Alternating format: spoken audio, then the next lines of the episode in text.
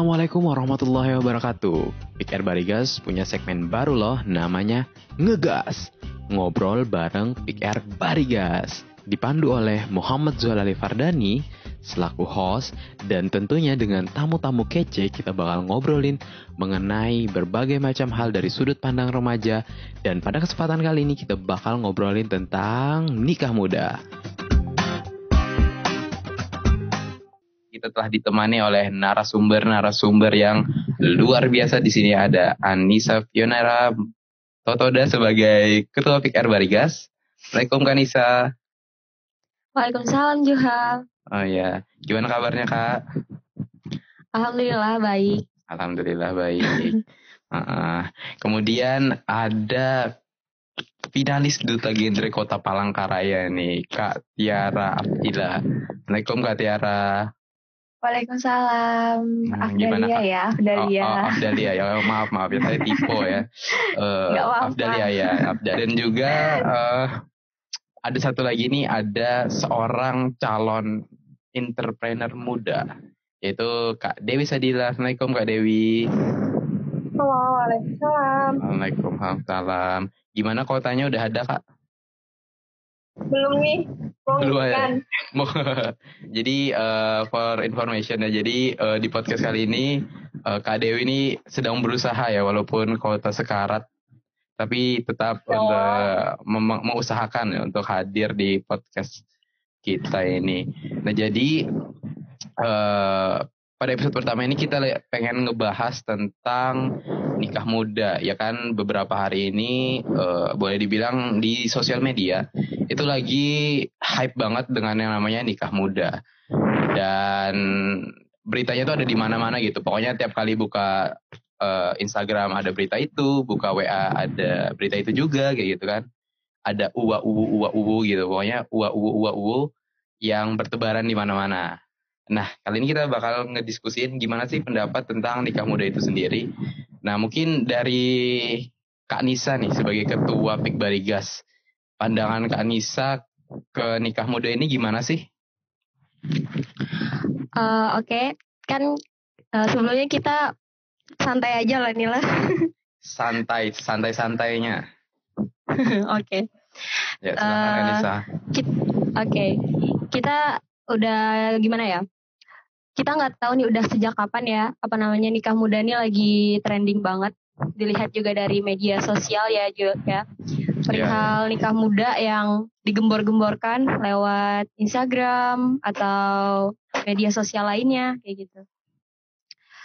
eh apa ya? Kenapa, kenapa, ke mana? Eh, apakah apakah itu membuat eh, kita jadi semakin tertarik kayak gitu pengen nikah muda atau malah mikir ah kayaknya nanti aja dulu atau gimana nih? Ya karena menurut gimana ya kalau di internet atau sosial media kan seperti yang kita ketahui itu biasa setiap hari dibuka terus ya sama pengguna kayak kita remaja seusia kita. Hmm. Jadi secara nggak langsung eh, membuat apa ya ekspektasi-ekspektasi eh, tentang menikah muda gitu. Hmm. Ekspektasi-ekspektasi yang oh ini nih nikah muda nih menarik, nikah muda nih sebenarnya seru kayak gitu di kepala eh, anak-anak muda yang seusia kita gitu, yang belum eh, mencapai usia maksimal, eh bukan maksimal sih yang yang setidaknya bisa di maksudnya Gimana nih? usia yang pas untuk idealnya menikah. idealnya untuk menikah ya. Jadi eh, kata Kanisa tadi sih kita gara-gara sering lihat sosial media tadi jadi banyak berekspektasi kan ke pernikahan sebuah pernikahan gitu. Wah rame banget ya bisa nikah di usia muda kayak gitu. Sangat uwu Iya, sekali banget. gitu. Eh, kalau dari Kak Tiara gimana nih keuuan keu keuuan lagi keuuan yang ada di internet ini gimana sih? Ubunya tuh maksudnya Iya, sebenarnya- eh, ekspektasi-ekspektasi tadi itu gimana? Silahkan Kak Tiara. Ah, ah, ah, ah. Ya sebenarnya aku setuju banget sama Kanisa karena di sosial media itu eh, kita tuh selalu ngelihat keindahan-keindahan, keuan-keuan relationship orang, hubungan orang itu kayak semuanya selalu aja indah. Padahal kan kita tahu sebagai manusia yang kalau kita nih, kita aja nih orang pengguna sosial media pasti menunjukkan hal-hal yang menyenangkan. Masa kita lagi kesusahan, kita lagi sedih, kita benar-benar kayak nunjukin kehancuran kita kan nggak semua orang kayak gitu. Maksudnya orang lebih cenderung memilih untuk menunjukkan keuannya. Padahal kalau menurut aku yang terpenting uh, pada setiap orang itu menanamkan kalau setiap keputusan tuh pasti ada resikonya gitu. Hmm, jadi itu balik lagi ke keputusan orangnya ya. Tapi uh, gimana nih kalau uh, Kak Dewi ya nanggepin kan kita buka Instagram tadi setiap hari kata kayak kata kayak Kanisa tadi. Terus uh, pasti yang ditampilin itu yang manis-manisnya aja lah boleh dibilang, yang seru-serunya, yang asik-asiknya. Nah uh, orang nggak tahu sih di belakang itu tuh apakah mereka sedang kacau atau gimana. Tapi yang ditampilin tuh kan selalu yang indah. Nah itu tuh bikin kita tertarik nggak sih maksudnya kita ngelihatnya tuh wih kayaknya seru nih pasti oh, jadi kepengen jadi kepengen gimana nih kalau dari Kak Dewi? Oke, okay, aku ya. Uh, yeah. Mungkin sama, sama kayak pendapatnya Tiara sama Nisa tadi.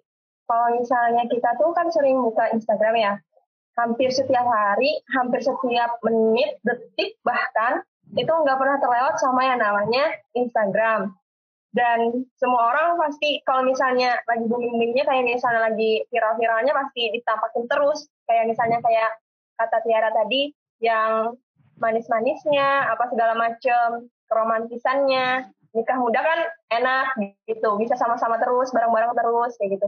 Pasti yang enak-enaknya terus yang ditampakin. Kalau misalnya kayak kata host tadi kata Juhal sedangkan kalau misalnya uh, yang pahit-pahitnya itu disimpan aja nggak ketahuan kayak gitu. Jadi menurut aku sih sama kayak pendapat Tiara sama Nisa tadi gitu juga nggak ada bedanya. Tapi yang pasti tergantung kembali ke orangnya lagi. Kalau misalnya nikah muda itu aja mereka uh, menguntungkan apa enggaknya, menyenangkan atau enggaknya itu tergantung diri sendiri lagi sih balik ke masing-masing orangnya, ke individunya kayak gitu. Oke, jadi uh, memang ya dari pendapat-pendapat tadi uh, boleh disimpulin nih kalau ternyata uh, kita nggak tahu ya apakah benar-benar seindah itu, apakah benar-benar uh, se, se, se menyenangkan itu kayak gitu. Tapi itu balik lagi ke tiap individunya kan. Nah, tapi boleh disimpulin juga berarti sosial media di sini punya power yang luar biasa banget dong untuk mempengaruhi orang untuk nikah atau enggak, untuk nikah muda atau nikah nanti itu mempengaruhi banget kan berarti uh, berarti power dari sosial media ini sendiri uh, udah udah ngelampauin dari ekspektasi yang pernah dibayangkan. Nah kalau kalau dari Kak Tiara sendiri nih pernah nggak sih gara-gara ngelihat postingan misalnya uh, siapa mungkin yang pacaran atau yang nikah muda terus uh, pengen juga kayak gitu pengen nikah juga kayak gitu pernah nggak? Uh, kalau aku pribadi ya, kalau ditanya kayak gitu, sebenarnya kalau pengen yang definisi pengen kebelet itu enggak sih, karena memang uh, kembali pada prinsip setiap masing-masing itu kan kayak gimana kayak gitu. Hmm. Terus kalau misalnya lihat yang kayak keuangan orang tuh kayak ikut seneng aja, kayak suka igemes gitu sih kalau aku. Hmm. Cuman kalau kepengen jadi kayak orang itu enggak yang terlalu gimana-gimana gitu. Hmm, oke okay, oke. Okay. Jadi Kak Tiara ini tipikal yang support ya, support kaliannya wah ada yang uwu nih kayak gitu. Jadi wah aku ikut seneng. Tapi kalau aku sendiri yeah. sih kadang sering ngerasa ada yang uwunya tuh pas, ada juga kadang yang mungkin uwunya tuh berlebihan kayak gitu. Cuman ya balik lagi kan ya. Kalau misalnya dari Kanisa sendiri gimana? Kalau aku ya memang dari awal uh, udah memantapkan diri untuk menikah oh. tuh di atas 21 atau minimal di 21 kayak gitu. Mantap. Jadi ketika ngelihat ada postingan-postingan yang menarik, yang seru, yang tentang pernikahan, mungkin itu dijadikan pembelajaran seperti kayak misalnya oh mungkin nanti kalau nikah tuh seperti ini gitu. Karena sekarang lebih mempersiapkan diri atas pendidikan karena hmm. banyak juga yang harus dibahagiakan sebelum diri sendiri gitu kan. Terus juga nanti uh, fungsinya apa kayak gitu mempersiapkan diri supaya nanti ketika udah nikah udah siap gitu tentang apa yang akan terjadi ketika pasca menikah kayak gitu sih. Hmm, jadi kalau Anissa sendiri mantep nih ya kayaknya punya visi misi untuk diri sendiri membahagiakan ada ya ada yang harus dibahagiakan terlebih dahulu sebelum menikah. Nah kalau misalnya Kak Dewi sendiri nih kalau ngelihat postingan-postingan tadi ada nggak terbesit kayaknya nikah muda boleh juga nih kayak gitu. Enggak sih. Kalau kalau aku sendiri sih pernah sih kepikiran kayak gitu. Tapi nggak tahu coba kalau kak Dewi gimana kak? Sama. Sama kayak gitu juga uh, rasa kepengen tuh ada. Ih uh enak kayak gitu. Sama-sama terus apa segala macam apalagi ngerasa kalau misalnya udah punya pasangan gitu udah punya pacar atau apa ya pasti gitu punya teman dekat kayak atau apa pasti kayak ngerasa iri ih pengen juga gitu. Tapi kalau misalnya ngeliat ke sisi yang lebih luas lagi kayak yang sama dibilang sama Nisa itu pasti pengen ngejar impian yang lain pengen sukses dulu pengen ngejar pendidikan dulu. Masih banyak ilmu yang perlu dikejar masih banyak kekurangan. Jadi sering ngerasa tuh setengah-setengah kayak fifty gitu. Jadi rasa kepengen pasti ada tapi masih mikir-mikir juga. Tapi kalau misalnya udah jodoh udah sampai ya boleh ya, juga kayak gitu sih hmm. kadang-kadang. Oke oke. Kalau kak Dewi tadi uh, sudah ada orang dekat sudah ada apa namanya teman Ini atau lain misalnya. sebagainya oh ya misalnya ya. ya Kalau saya Ayo. belum ada tapi sudah membayangkan. Waduh.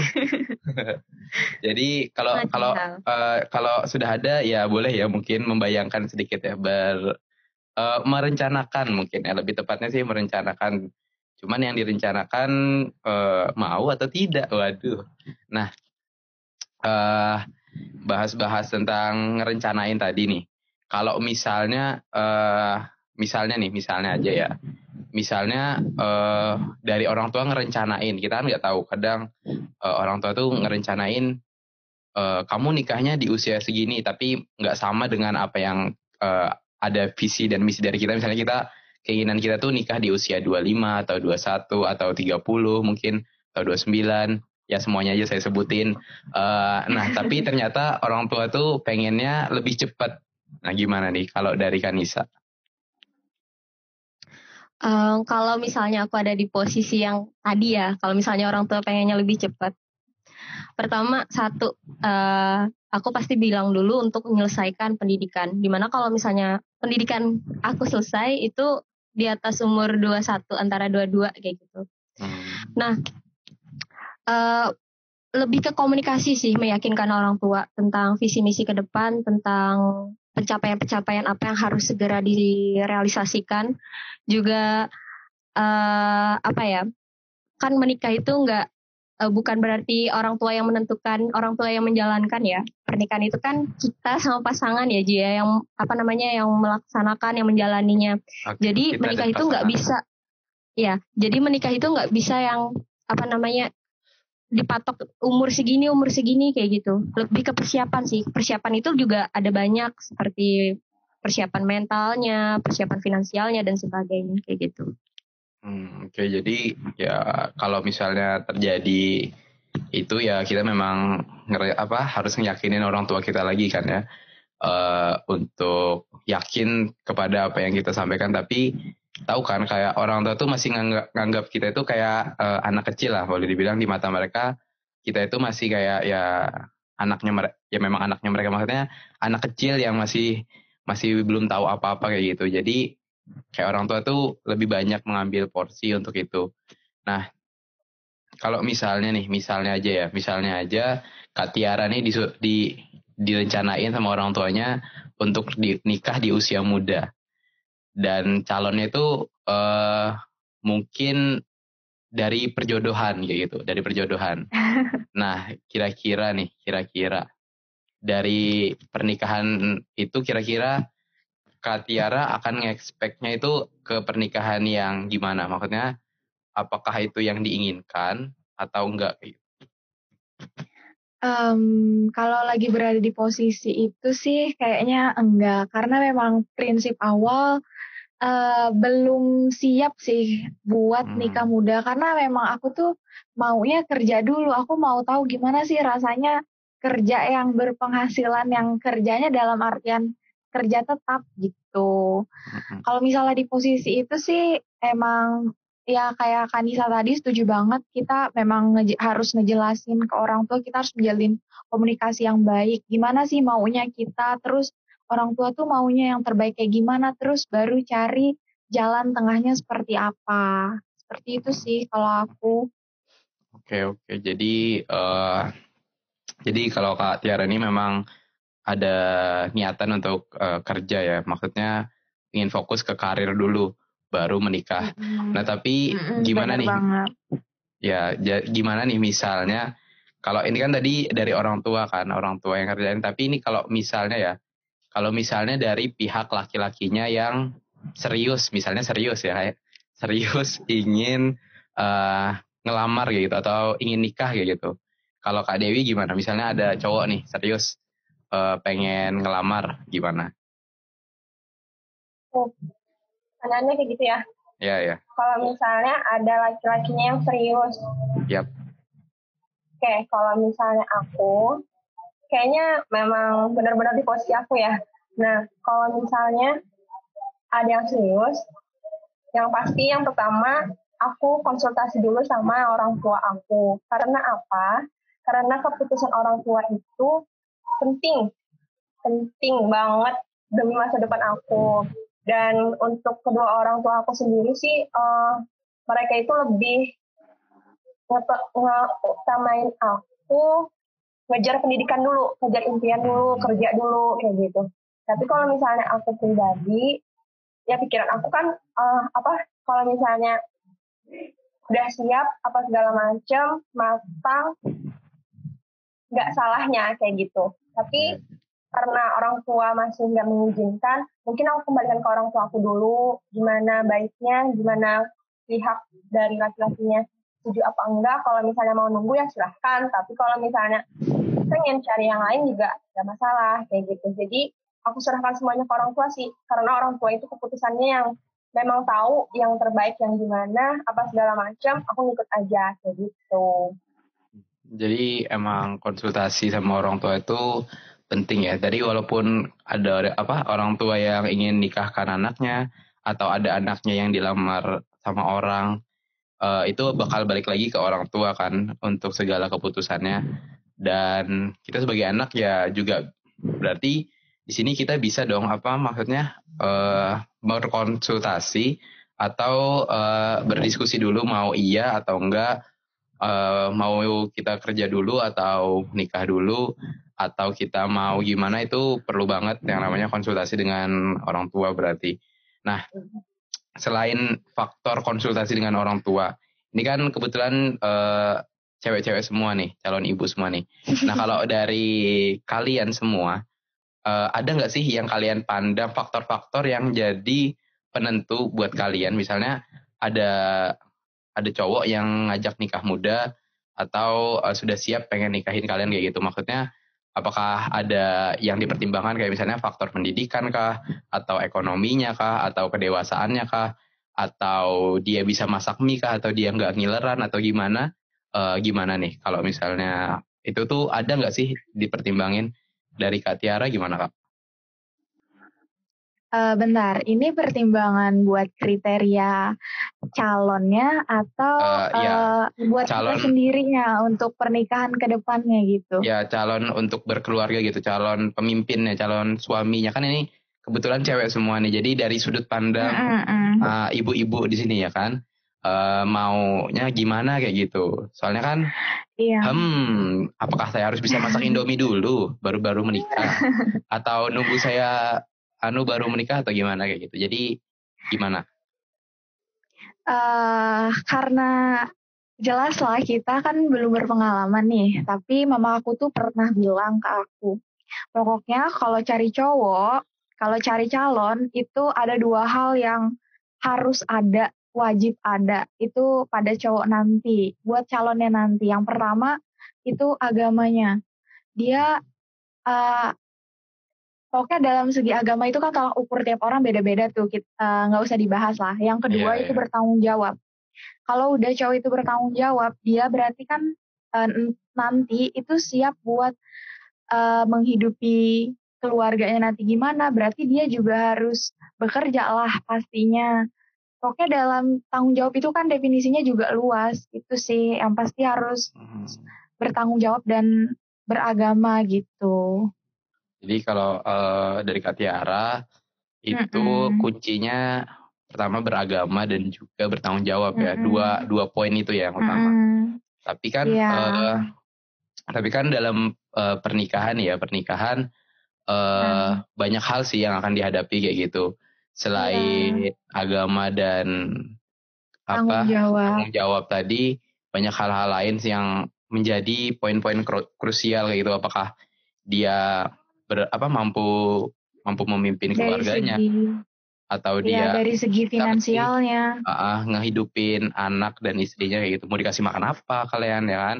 Nah, uh, kalau dari Kak Nisa nih ya, kalau dari Kak Nisa nih, uh, uh, nikah muda itu ber, berpeluang atau enggak untuk untuk faktor-faktor uh, tadi? Maksudnya uh, dilihat dari faktor-faktor tadi, apakah di usia muda itu udah bisa ngelihat apa faktor-faktor tadi, apakah bisa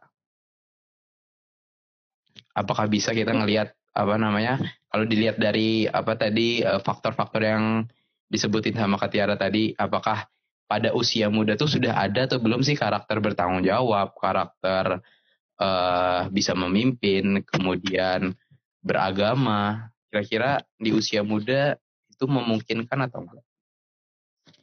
Um, uh, kan tadi mungkin yang disebutkan oleh Tiara ya itu perihal kriteria calon atau yang eh, calon idaman lah intinya yang hmm. sudah ditetapkan uh, pada dirinya gitu. Cuman kalau menurut aku menikah itu yang menjadi patokan utama ada dua juga, tapi uh, mungkin sedikit berbeda yaitu okay. mental sama finansialnya gitu. Mental Pertama mental itu paling ya mental itu paling per, paling utama. Dia juga bisa mencakup agama di dalamnya banyak ya beragam isinya. Cuman mental di sini uh, seperti yang kita udah pelajari ya sesama anak genre bahwasannya remaja-remaja yang di bawah usia 20 tahun itu biasanya emosi mereka belum belum stabil gitu. Makanya ada istilah istilah apa ya? remaja itu labil, belum bisa memutuskan. Maksudnya mungkin hari ini bisa bilang A, besok bilang C, besoknya lagi D gitu.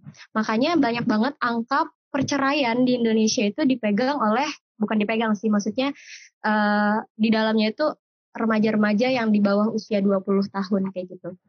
Makanya mental itu kenapa aku bilang penting karena di situ siap enggak siapnya tuh ada di situ gitu. Secara agama mungkin misalnya udah dipikirkan di mental, misalnya secara yang lain-lainnya, secara kekeluargaan dan sebagainya.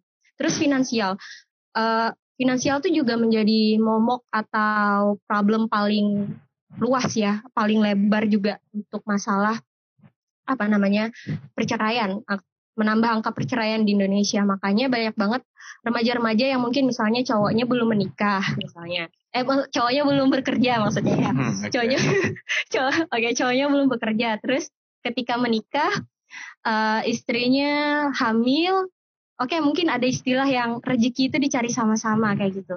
Cuman menurut saya mencari sama-sama itu ya ya dari maksudnya mempersiapkan diri sejak awal gitu bukan yang ketika menikah baru bersiap-siap gitu makanya uh, makanya di situ biasanya sering terjadi perceraian karena mungkin suami tidak mampu menanggung apa namanya tidak bisa menafkahi lahirnya gitu. Kalau mungkin istilah batin sudah terpenuhi cuman di sini lahirnya kayak gitu. Saya beli popok anak tidak bisa susu tidak bisa dan sebagainya. Sehingga sering sekali terjadi perceraian karena finansial juga. Dua itu yang menurut saya penting yang harus dipahami, dipersiapkan oleh remaja-remaja seusia kita. Jadi hmm, jadi dari pernikahan itu uh, ada dua poin sama-sama dua poin ya, Kak Tiara sama Kanisa. Uh, kalau Kanisa tadi mungkin uh, lebih universalnya lagi, kalau Kak Tiara tadi mungkin uh, lebih spesifiknya. Nah jadi kalau kata Kanisa tadi ada dua yaitu mental dan dan juga uh, finansialnya. Nah di mana kalau dari cowok itu ya kita harus bisa gitu kan memenuhi keduanya nggak cuma salah satunya aja kayak gitu Dan juga nih kalau misalnya itu sudah terpenuhi nih, misalnya ini sudah terpenuhi dari dari sisi cowoknya. Nah, kalau dari sisi ceweknya kira-kira di usia muda itu apa sih faktor yang menentukan mereka siap atau enggak kayak gitu? Kalau misalnya kalau misalnya Kak Dewi gimana pendapat tentang itu? Apa apa? Tolong ulangin dong.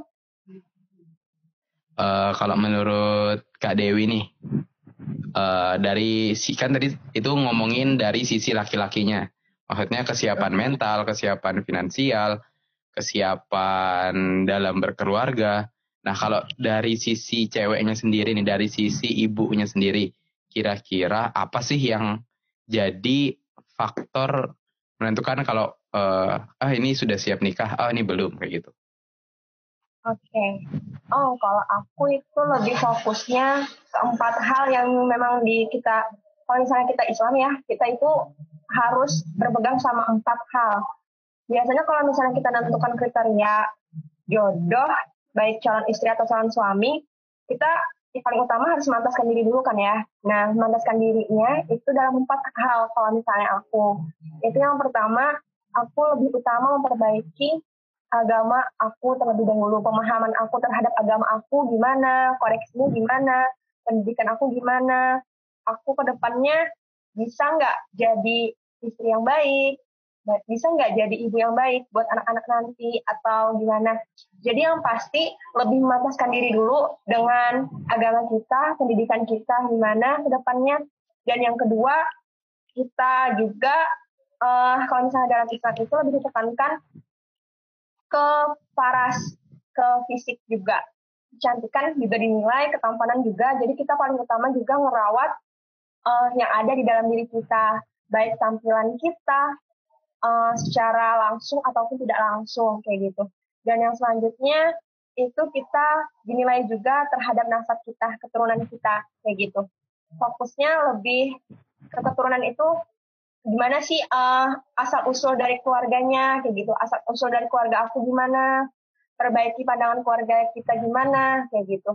Jadi uh, pandangan orang terhadap keluarga kita itu lebih bagus, lebih baik, jadi pandang anggapannya gini, pandangan orang terhadap keluarga kita itu, oh keluarganya nih terpandang terhormat kayak gitu. Gara-gara misalnya kita bisa mengangkat derajat orang tua kita, kita punya usaha sendiri atau apa, yang seperti aku bilang, kita bangun usaha kita sendiri dengan kita apa menuntut pendidikan yang lebih layak lagi itu bisa mengangkat derajat orang tua kita memperbagus nasab keturunan kita kayak gitu. Dan yang selanjutnya itu lebih fokus ke apa? Kan tadi harta, tampan, hari apa nih tadi aku sebutin? Apa ya, ya, apa ya? Keturunan. Oh ya, keturunan. Dan yang terakhir harta ya. Nah, harta. Jadi aku lebih fokus ngembangin apa sih yang bisa aku kembangin untuk saat ini, ke depannya, biar kalau misalnya aku udah berkeluarga itu nggak capek lagi pas saat berkeluarga aja yang anggapannya nyusun-nyusun schedule buat kerja ini itu ngejar buat masa depan. Jadi mulai dari sekarang ngejar buat ngumpul masa depan, buat ke depannya gimana, buat berkeluarga nanti gimana, biar pas berkeluarga nanti nggak capek-capek banget gitu. Jadi nggak nuntut suami harus ini, harus itu, harus punya ini, harus punya itu, tapi sama-sama kayak gitu sih. Aduh, masya Allah, masya Allah, masya Allah. Ini dari uh, Dewi kita tersiram secara rohani ya. Uh, masya Allah. Masya Allah. Uh, ya, kalau dari Kak Dewi tadi jadi lebih fokusnya ke dari sisi agama ya, dari sisi uh, dari sisi syariah, dari sisi keagamaannya ya. Jadi fokus ke empat hal tadi. Nah, cuman kan ya, cuman kan ya, uh, uh, kita kan uh, itu itu tadi aja yang sudah disampaikan tadi aja sebelum menikah apalagi kalau sudah menikah kan kita nggak tahu. Sebelumnya aja banyak persiapan yang harus dilalui dari pendidikan kesiapan mental terus dari keturunan terus dari harta ketampanan dan lain-lain tadi yang sudah disampaikan. Sebelum nikahnya aja itu udah banyak banget yang harus dipersiapkan apalagi setelah nikahnya. Nah jadi kalau kita ngelihat kalau kita ngelihat sebenarnya nikah muda itu uh, bisa jadi sesuatu yang sesuatu yang berat banget kan untuk dipikul oleh seseorang yang masih muda kayak gitu. Dia masih muda tetapi uh, banyak banget yang harus jadi tanggung jawabnya dia entah tanggung jawab keluarga, tanggung jawab anak, penghasilan, kemudian nasab dan lain-lain itu menjadi tanggung jawab yang sangat uh, besar sekali. Kalau misalnya nih, kalau misalnya itu semua tadi udah bisa dipenuhin, apakah serta merta bisa jadi patokan kalau dia boleh nikah atau enggak? Kalau dari Kanisa gimana? Uh, kalau misalnya di posisi yang masih umur di bawah 20 tahun gitu ya, tapi ya, semuanya masih, udah terpenuhi gitu. Hmm, dari muda tapi dia uh, punya sudah punya karakter, dia juga udah punya penghasilan mungkin dan juga uh, ya udah siap lah dari apa yang udah kita bahas tadi dia udah punya kesiapan apakah boleh atau enggak? Kalau berbicara boleh apa enggaknya itu kan banyak perbedaan pendapat. Kayak hmm. misalnya di agama menikahlah kalau udah siap kayak gitu kan. Siap tadi antara sudah siap uh, fisik, mental dan sebagainya. Cuman kalau menurut aku yang yang udah punya bayangan tentang menikah ya menurut aku kalaupun aku udah siap itu masih harus dipersiapkan lagi lebih lebih lagi kayak gitu. Lebih, Karena lebih. ya maksudnya menikah kan apa namanya gimana sih ada juga yang katanya uh, kalau organ reproduksi kita gitu misalnya kayak perempuan aja tuh belum belum pas atau belum matang di usia tertentu misalnya. Jadi ketika mengandung nanti mungkin bisa ada apa resiko untuk Jadi, meninggal ibu dan anak lebih ya. tinggi kayak gitu. Iya gitu sih. Cuman kalau misalnya kan balik lagi ke orang-orang kayak misalnya dilihat dari fisiknya misalnya memang perempuannya subur itu balik lagi ke ke pendiriannya dia, ke niat awalnya dia, kayak gimana dengan orang tuanya dan sebagainya. Kalau misalnya dari diri sendiri udah mantep kayak aku nikah misalnya umur uh, 21 atau 23 atau 25 misalnya, whatever lah mau umur berapa kayak gitu. Jadi balik lagi ke niatnya, dah gitu sih. Hmm, gitu ya. Kalau kalau gitu, kalau gitu nih, kalau itu tadi kata katakan Nisa ya. Kalau dari Katiara gimana? Sama kah atau ada perbedaan pendapat mungkin? Uh, mungkin mirip dan sejalan. Cuman kalau aku itu uh, gimana ya pandangan aku tuh pada setiap orang itu punya pasti punya kesiapan atau tolak ukur yang berbeda-beda. Uh, jadi gini, kalau mau nikah itu kan uh, terdapat aspek-aspek yang general kayak kita tuh harus siap dalam emosional atau fisik itu kalau perempuan ya lebih eh, perempuan dan laki-laki itu pada kesehatan reproduksinya udah matang atau belum, kemudian secara finansial bagaimana berkehidupan selanjutnya, dan kesiapan mentalnya juga penting. Jadi ya kembali lagi ke individunya itu seperti apa.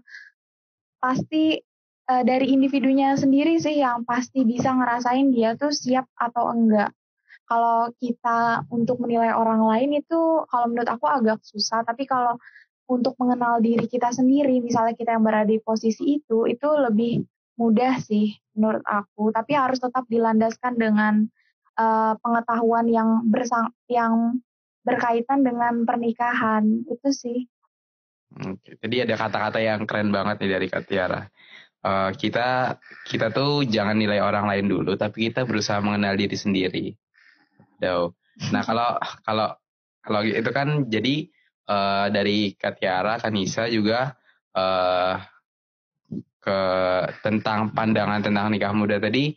Uh, jadi balik lagi ke individu masing-masing kan bisa atau enggaknya itu balik lagi ke mereka apakah mereka sudah mengenal diri mereka dengan baik apakah mereka uh, yakin oh ini saatnya yang tepat untuk nikah oh ini belum saatnya oh ini uh, mungkin dua tahun lagi oh ini besok uh, uh, mungkin itu kembali lagi ke mereka balik, uh, balik lagi ke mereka masing-masing. Uh, dan kita juga mungkin sebagai uh, teman juga nggak bisa ngelarang mungkin ya. Eh kamu nggak boleh nikah. Soalnya kan itu balik lagi ke diri pribadi masing-masing. Mereka yang tahu ini loh yang terbaik buat aku. Ini ini ini loh yang sebenarnya uh, pantas buat aku kayak gitu. Nah oke okay, satu pertanyaan terakhir.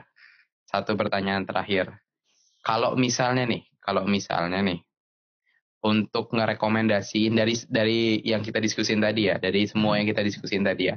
Kalau ada yang nanya, misalnya ada yang curhat nih, aku pengen nikah muda nih, kayaknya aku sama pacar aku udah siap deh. Kalian akan ya support kah? Atau mungkin ngasih wejangan kayak gitu atau jangan dulu jangan dulu atau gimana atau uh, mungkin ya uh, ya terserah kamu aja sih itu kan keputusan kamu saya tidak tahu kayak gitu kan atau gimana nih menurut uh, Dewi deh mungkin Dewi sebagai teman gimana Eh, aku sebagai teman. Kalau misalnya teman aku lagi di posisi kayak gitu ya. Hmm. Misalnya ada teman aku yang kayak gitu, yang pertama aku lakukan, aku nggak ngasih keputusan langsung sih, tapi aku ngasih pilihan aja.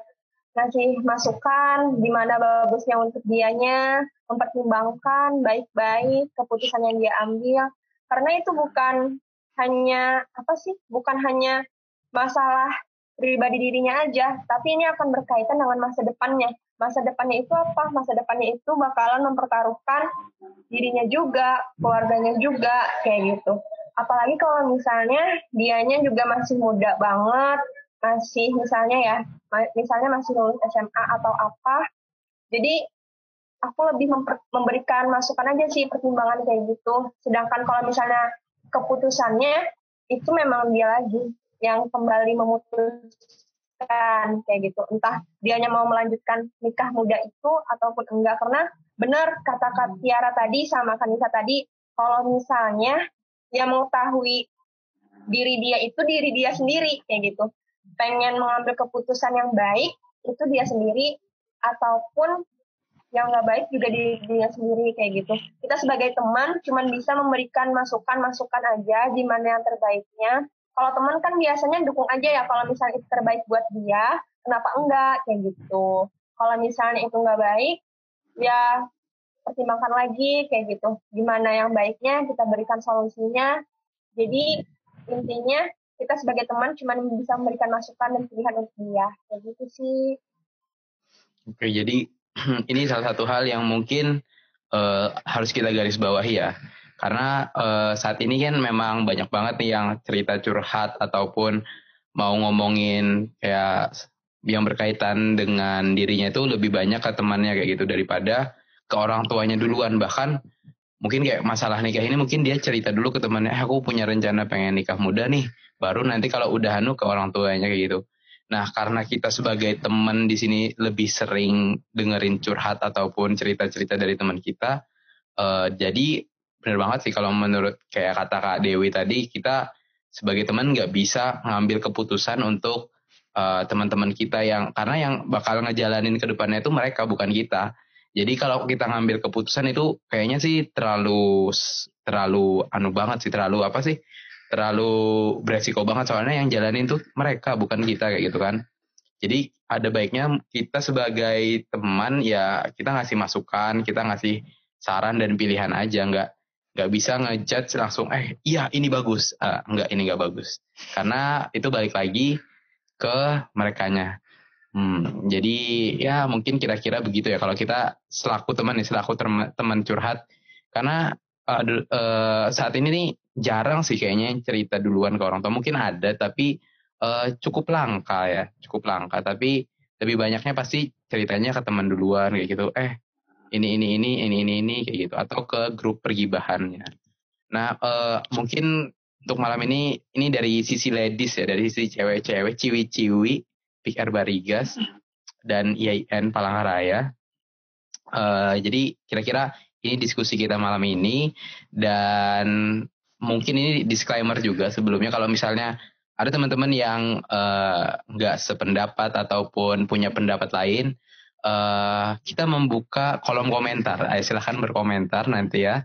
Uh, silahkan kita diskusi bareng dan kita uh, bakal lanjut lagi di episode kedua bareng dengan teman-teman cowok-cowok kita. Ini kan dari sisi cewek nih, biar adil ya harus ada dari cowoknya juga. Nah, mungkin itu aja dari kita di sini. Saya Zuhal Alifarani sebagai host. Memohon maaf jika ada kata-kata yang tidak mantap, tidak tepat, dan tidak akurat ya uh, ini episode pertama kami semua gugup ya. Jadi uh, perlu latihan kayaknya. Uh, sekian dari kami. Sampai bertemu di podcast ngegas berikutnya. Salam genre